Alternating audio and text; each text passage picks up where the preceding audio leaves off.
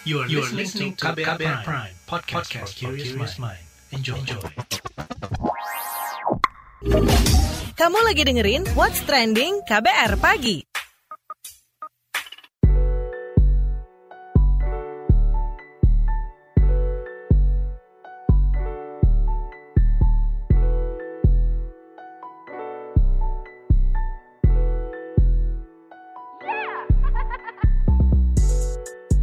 KBR Pagi, siaran pagi radio paling update. Selamat pagi, selamat hari Senin. Apa kabar Anda hari ini di 8 November 2021? Ketemu lagi dengan saya Don Brady di What's Trending KBR Pagi pastinya. Menyorot keamanan berkendara di jalan tol, itu yang kita obrolin pagi ini. Jadi belum lama ini kecelakaan maut di jalan tol yang melibatkan public figure menyedot perhatian publik. Belakangan juga viral video dari sebuah akun TikTok yang menuding bahwa jalan tol di Indonesia tidak aman.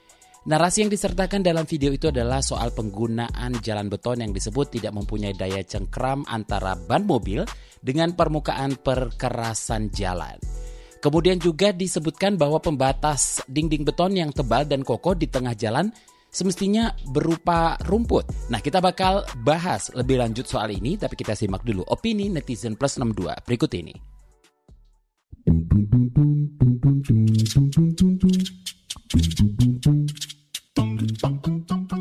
Yang pertama saya akan membacakan cuitan dari akun @dita57. Risiko hukum di jalan raya, nabrak atau ditabrak. Ed Nuning Benuning mencuit, seberapa banyak sih korban kecelakaan di tol? Sudah ada peringatan maksimal kecepatan? Kalau drivernya ndablek ya gitu. Ada banyak faktor kenapa terjadi kecelakaan, jangan salahkan jalan tolnya dong. Lalu kemudian ada cuitan dari akun @otnairait yang mengatakan, pertanyaannya jalan apa yang tidak berbahaya untuk kecepatan tinggi? Lalu kemudian ada nih dari Yati Bibi yang mengatakan, oh jadi yang salah jalannya. Beralih ke cuitan Ed Hari Lovik AG. Di jalan tol sudah ada rambu maksimal atau minimal kilometer per jam. Ojo ngebot, bot, bot, bot. Kemudian Ed Puturudi mencuit, di semua jenis jalan mana pun apakah itu berdasar kelas, fungsi, dimensi, berbayar tol atau tidak, jenis permukaan, jenis konstruksi, kalau mengendarai kendaraan di atas desain speed berisiko tinggi terhadap kecelakaan, tidak ada korelasi antara jalan tol di Indonesia dengan keamanan berkendara. Lanjut ke komentar dari Ed Aji underscore Sutrisno nih yang mengatakan, Ya Formula One saja ganti ban kalau panas ke hujan atau sebaliknya. Dari aspal ganti beton, ganti aspal. Kecepatannya sama ya pasti berbahaya. Terakhir saya akan bacakan cuitan dari Ed Safaro 15. Mau jalan beton, mau jalan aspal, atau mau jalan beton di luar negeri, kalau yang mengemudinya ngebut, main HP, mengantuk, atau melanggar aturan di jalan raya, pasti tidak aman. What's Trending KBR Pagi masih di What's Trending KBR Pagi, kita lanjutkan obrolan kita pagi ini. Jadi pembalap mobil sekaligus instruktur keselamatan berkendara Fitra Eri mengungkapkan beberapa faktor yang bisa mengakibatkan kecelakaan parah saat berkendara di jalan tol. Fitra juga membagikan tips berkendara yang aman di jalan tol agar mengurangi risiko kecelakaan. Apa saja catatannya? Kita simak cuplikan penuturannya dalam unggahan video lewat akun YouTube Fitra Eri pada 4 November 2021 berjudul Vanessa Angel Kecelakaan. Ini yang bisa kita jadikan pelajaran. Yang pertama adalah cuaca. Jadi ini bukan berdasarkan ini ya, ini bukan berdasarkan uh, yang sering terjadi. Justru nanti yang lebih sering terjadi itu saya tempatkan di bagian-bagian akhir yang kemungkinan juga itu bisa berkontribusi ke kecelakaan yang parah-parah. Yang pertama cuaca, cuaca buruk itu seperti hujan, angin itu bisa mempengaruhi stabilitas mobil, daya cengkram mobil, jarak pandang ke depan. Jadi apa yang mesti kita lakukan kalau cuaca buruk? Menurunkan kecepatan. Kecepatan di tol yang diizinkan itu 60 sampai 100 km per jam. Sebisa mungkin kita turunkan dalam batas yang aman, masih sesuai dengan peraturan dan karena jarak pandang yang terbatas, kita jangan menempel ke mobil depan dan kita harus menjaga jarak aman. Kemudian penyebab yang kedua adalah kondisi jalan. Kita tahu bahwa jalan tol di Indonesia kondisinya itu tidak mulus seperti sutra, tapi banyak tambalan-tambalan bahkan ada jembatan yang bisa mengakibatkan mobil itu melompat ya. Itu juga sangat sangat berbahaya kalau misalnya kita dengan kecepatan yang tinggi kita melewati atau lobang. Jadi memang pastikan untuk mengantisipasi kondisi jalan ini kecepatan kita jangan melebihi batas kecepatan dan melihat itu jauh ke depan. Kemudian penyebab yang berikut adalah manuver mendadak Nah, manuver mendadak ini suka terjadi kalau misalnya kita dipotong mobil lain, terus kita manuver mendadak, atau misalnya ada kondisi jalan yang rusak itu kita kaget, kita banting setir. Nah, manuver mendadak itu bisa mengakibatkan mobil melintir dan terbalik. Walaupun mobilnya sudah menggunakan stability control, tapi itu hanya meminimalkan, tidak menghilangkan kemungkinan untuk celaka 100%. Jadi benar-benar hindari sebisa mungkin manuver yang mendadak. Manuver mendadak itu belok kanan, belok kiri mendadak, gas dan rem mendadak. Sehalus mungkin. Kemudian ban botak. Ban botak itu sangat-sangat berbahaya terutama di saat hujan karena ban yang botak tidak memiliki alur untuk membuang air dan ketika hujan itu bisa menyebabkan aqua planning yang membuat mobil itu mengambang di atas air dan tidak bisa dikendalikan sama sekali. Jadi ban botak jangan dipakai untuk bepergian, apalagi di tol. Kemudian penyebab kecelakaan berikutnya adalah genangan air. Nah, genangan air itu lebih berbahaya kalau ban kita botak seperti yang tadi saya bilang. Tapi genangan air juga bisa membuat aqua planning di mobil yang bannya masih bagus. Kalau misalnya genangannya terlalu dalam, dan mobil kita terlalu cepat. Sebisa mungkin kita jangan melewati genangan air, tapi ingat jangan manuver mendadak juga.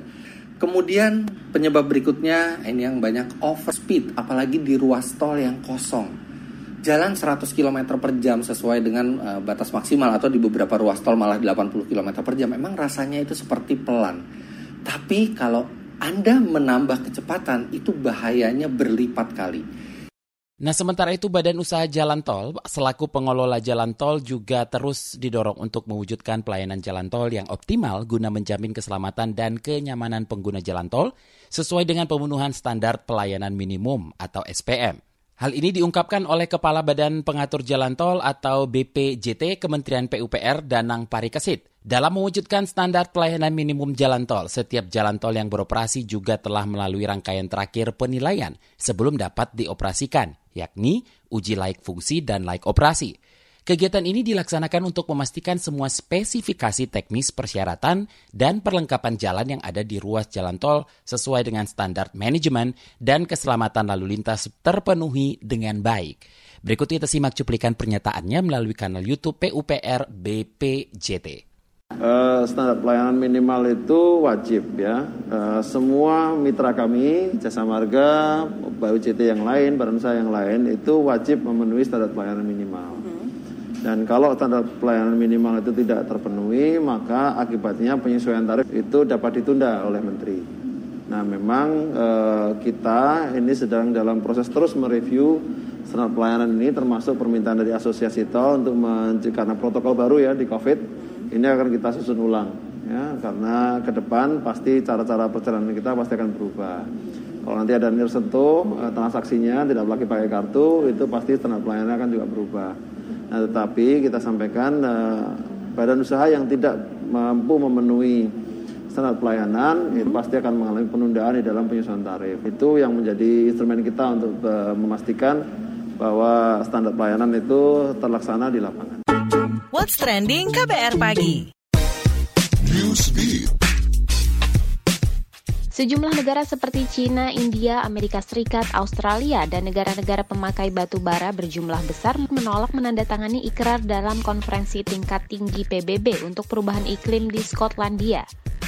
Ikrar itu berisi sikap untuk berhenti memakai batu bara. Sementara Indonesia, Polandia, Vietnam, dan negara lain berjanji menghentikan penggunaan pembangkit listrik tenaga batu bara dan menghentikan pembangunan pembangkit. Dikutip dari Reuters, kesepakatan negara yang akan menghentikan penggunaan batu bara ini gagal mendapat dukungan dari China, India, dan konsumen batu bara teratas lainnya di KTT Iklim.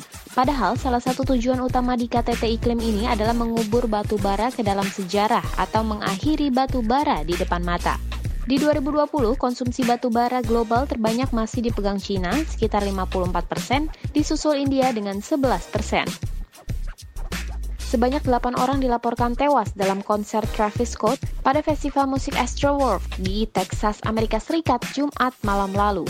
Beberapa korban juga dilaporkan luka-luka akibat kekacauan di festival musik Astroworld. Kericuhan dalam festival musik tersebut dimulai saat kerumunan mulai berbondong-bondong menuju depan panggung ketika Travis Scott tampil.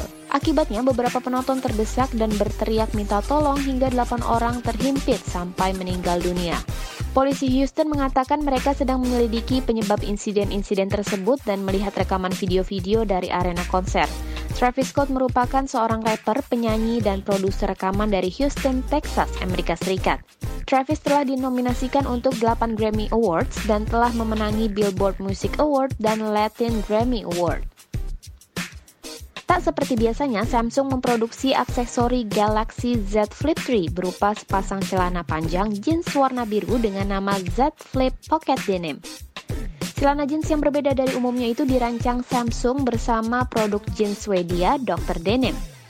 Yang menjadikannya unik adalah adanya satu kantong celana berbentuk kotak yang diklaim pas ukurannya untuk menyimpan Galaxy Z Flip 3 ketika sedang dilipat. Dilansir dari GSM Arena, celana jeans khusus Galaxy Z Flip 3 ini sudah dijual di situs resmi Dr. Denim dan dibanderol dengan harga 1.499 dolar Australia atau sekitar 15 juta rupiah. What's Trending KBR Pagi.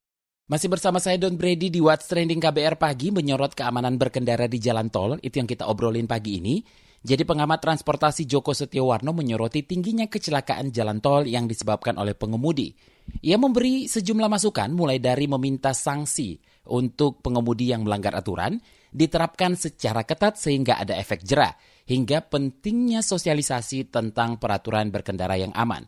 Lebih lanjut kita ngobrol langsung dengan pengamat transportasi dari Universitas Katolik atau Unika Sugia Pranata Kota Semarang, Joko Setiawarno. Pak Joko, selama ini penyebab kecelakaan jalan tol tertinggi adalah pengemudi.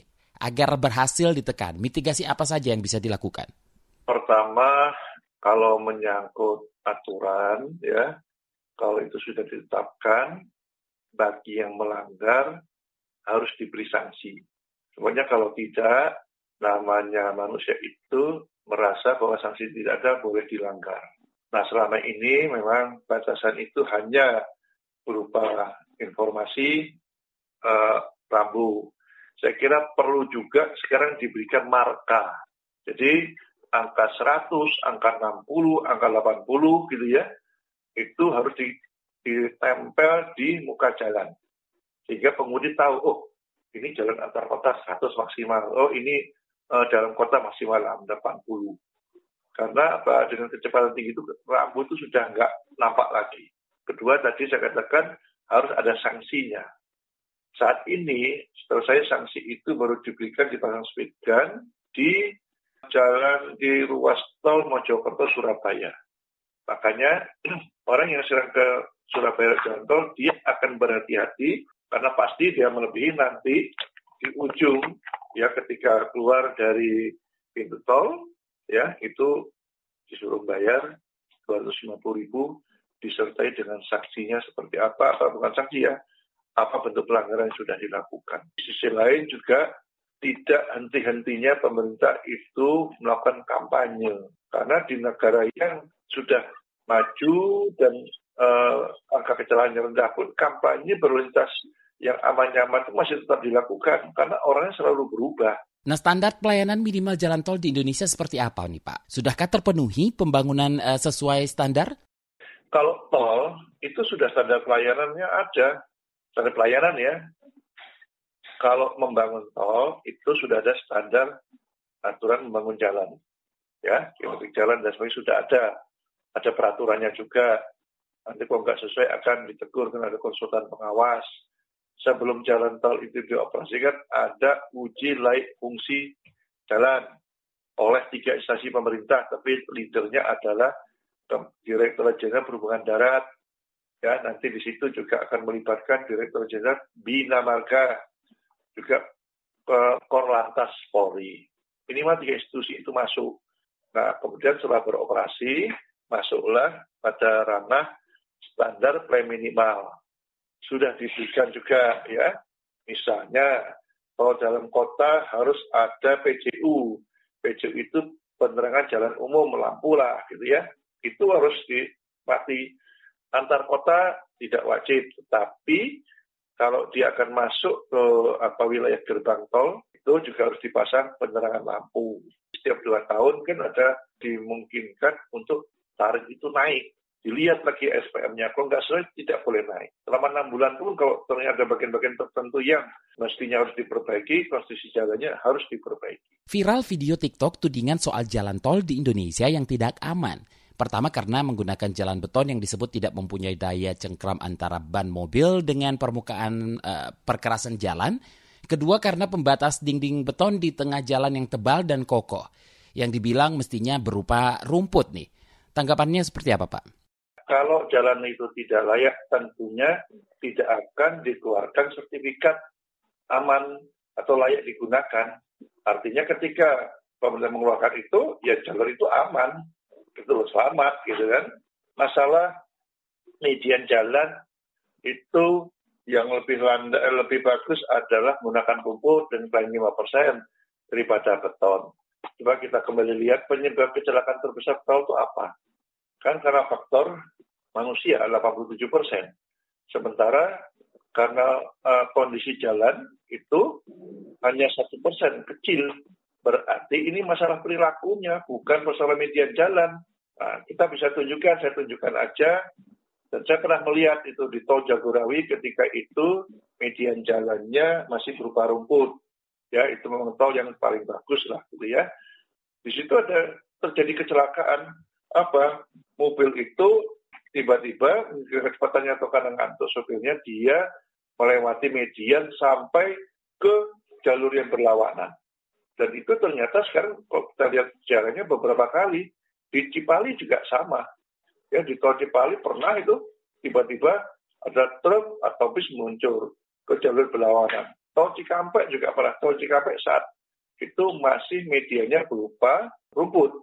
Nah sekarang untuk antisipasinya justru yang medan-medan rumput dan itu lokasinya rawan kecelakaan di Tol Cipali sekarang dipasang namanya wire rope. Wire rope itu seperti sling sepanjang itu. Harapannya kalau ada kendaraan tidak menyeberang ke jalur yang berlawanan arah. Bukan berarti yang baik yang mana tidak, ya lebih pada perilaku. Ya memang kalau uh, yang beton, ya ini memang fatal. Makanya biar tidak fatal nabraknya, jangan kecepatannya tinggi, ada batasannya untuk di jalan tol itu. Nah, Bapak kan mendesak nih pembentukan Direktorat Keselamatan Transportasi Darat. Memang apa pentingnya dan kegunaannya nih, Pak? Dulu pernah ada di darat itu Direktorat Transportasi Keselamatan Transportasi Darat. Sementara di darat ini sejak dua tahun lalu kan dilakukan restrukturisasi organisasi di Dirjen Perhubungan Darat. Nah, maksimal itu memang lima direktorat. Nah, ini sudah lima dengan sendirinya karena dianggap darat apa keselamatan itu ya kalau saya pengabaian juga dimasukkan direktorat sarana dan di sana statusnya diturunkan menjadi kas, uh, subdit manajemen keselamatan. Otomatis kalau dia turun derajatnya, anggarannya juga minim. Sangat rendah. Beda kalau dia satu direktorat. Itu padahal kalau di darat itu kan angka kecelakaan jauh lebih tinggi ketimbang di kereta api, di laut dan di udara. Di sisi lain, ya kita perlu kampanye upaya pencegahan itu. Nah, kalau dananya minim bagaimana? Jadi bukan upaya membangun secara fisik saja. Di negara-negara maju saya katakan tadi, ya masih kampanye itu karena orang selalu berganti. Gitu. Jadi memang uh, penghilangan keselamatan itu membuat anggaran keselamatan kita minim. Ya upaya-upaya target-target RUNK itu ya bakal tidak tercapai juga kalau nanti masih seperti ini. Terima kasih pengamat transportasi dari Universitas Katolik Sugia Pranata Kota Semarang, Joko Setiawarno. What's trending KBR pagi? Commercial break. Commercial break.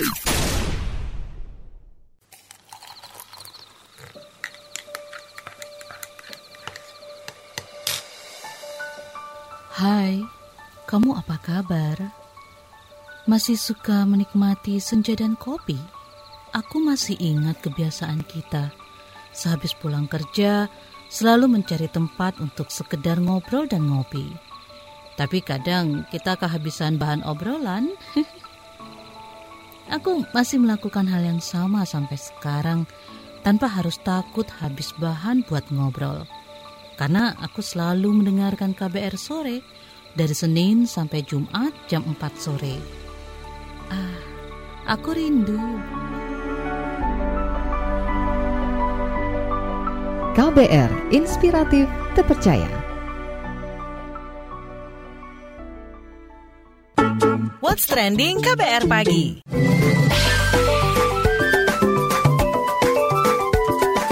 WhatsApp Indonesia. WhatsApp Indonesia dimulai dari Solo, Jawa Tengah. Polresta Solo menetapkan sejumlah tersangka kasus Menwa Universitas 11 Maret UNS Solo. Kapolresta Solo, Ade Safri mengatakan, dua mahasiswa menjadi tersangka kasus tersebut. Menurut Ade, kedua tersangka memiliki peran dalam kasus penganiayaan yang mengakibatkan meninggalnya seorang peserta di Klatsar Menwa UNS. Lebih lanjut, Ade mengungkapkan polisi sudah memeriksa 26 saksi kasus tersebut. Tim Polresta Solo, Ibu Ade, juga sudah menggeledah sekretariat Menwa dan menyita berbagai barang bukti di dalam kompleks kampus setempat. UNS Solo menyatakan Gilang Endi, mahasiswa yang meninggal tersebut kuliah di Sekolah Vokasi K3, Kesehatan dan Keselamatan Kerja Diploma 4. Gilang Endi meninggal dunia saat ikut pendidikan dan latihan Patria, Resimen Mahasiswa Menwa, UNS Solo. Selanjutnya menuju Jawa Tengah. Sebanyak 4 ribuan vaksin COVID-19 di Kudus, Jawa Tengah kedaluarsa. Ribuan vaksin itu belum sempat disuntikan ke masyarakat karena sudah melewati tenggat waktu yang diizinkan Badan Pengawas Obat dan Makanan BPOM. Bupati Kudus Hartopo berdalih ribuan vaksin itu dalam kondisi hampir kedaluarsa ketika sampai di Kudus. Dia menuding karena proses penyimpanan yang terlalu lama di gudang provinsi. Selain masalah penyimpanan, Bupati Kudus Hartopo juga berdalih rakyatnya banyak yang menolak menggunakan vaksin dari AstraZeneca. Kini ribuan vaksin itu tengah disimpan dalam suhu minus 20 derajat di Kudus. Pemkap Kudus mengklaim masih berkoordinasi dengan Kementerian Kesehatan dan Badan POM apakah masih memungkinkan untuk digunakan. Merespon adanya vaksin yang kedaluarsa di daerahnya, Gubernur Ganjar Pranowo mengklaim telah memberi teguran ke kepala daerah. Kata dia, ini merupakan kasus fatal dan menjadi bahan masukan bagi Pemprov Jateng. Gubernur Jawa Tengah Ganjar Pranowo juga mengingatkan masyarakat untuk tidak pilih-pilih vaksin. Terakhir mampir Balikpapan, Kalimantan Timur.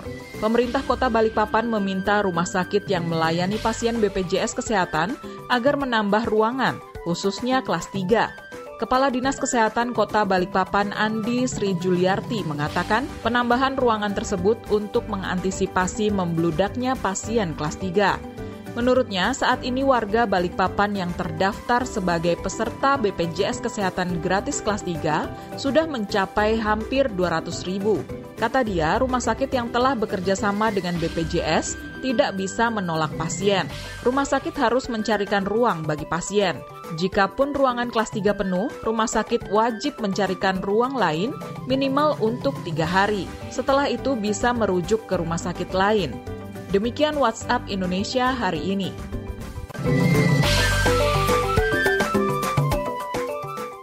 Demikian KBR pagi hari ini. Jika Anda tertinggal siaran ini, Anda kembali bisa menyimaknya di podcast What's Trending yang ada di Spotify, kbrprime.id, dan di aplikasi mendengarkan podcast lainnya.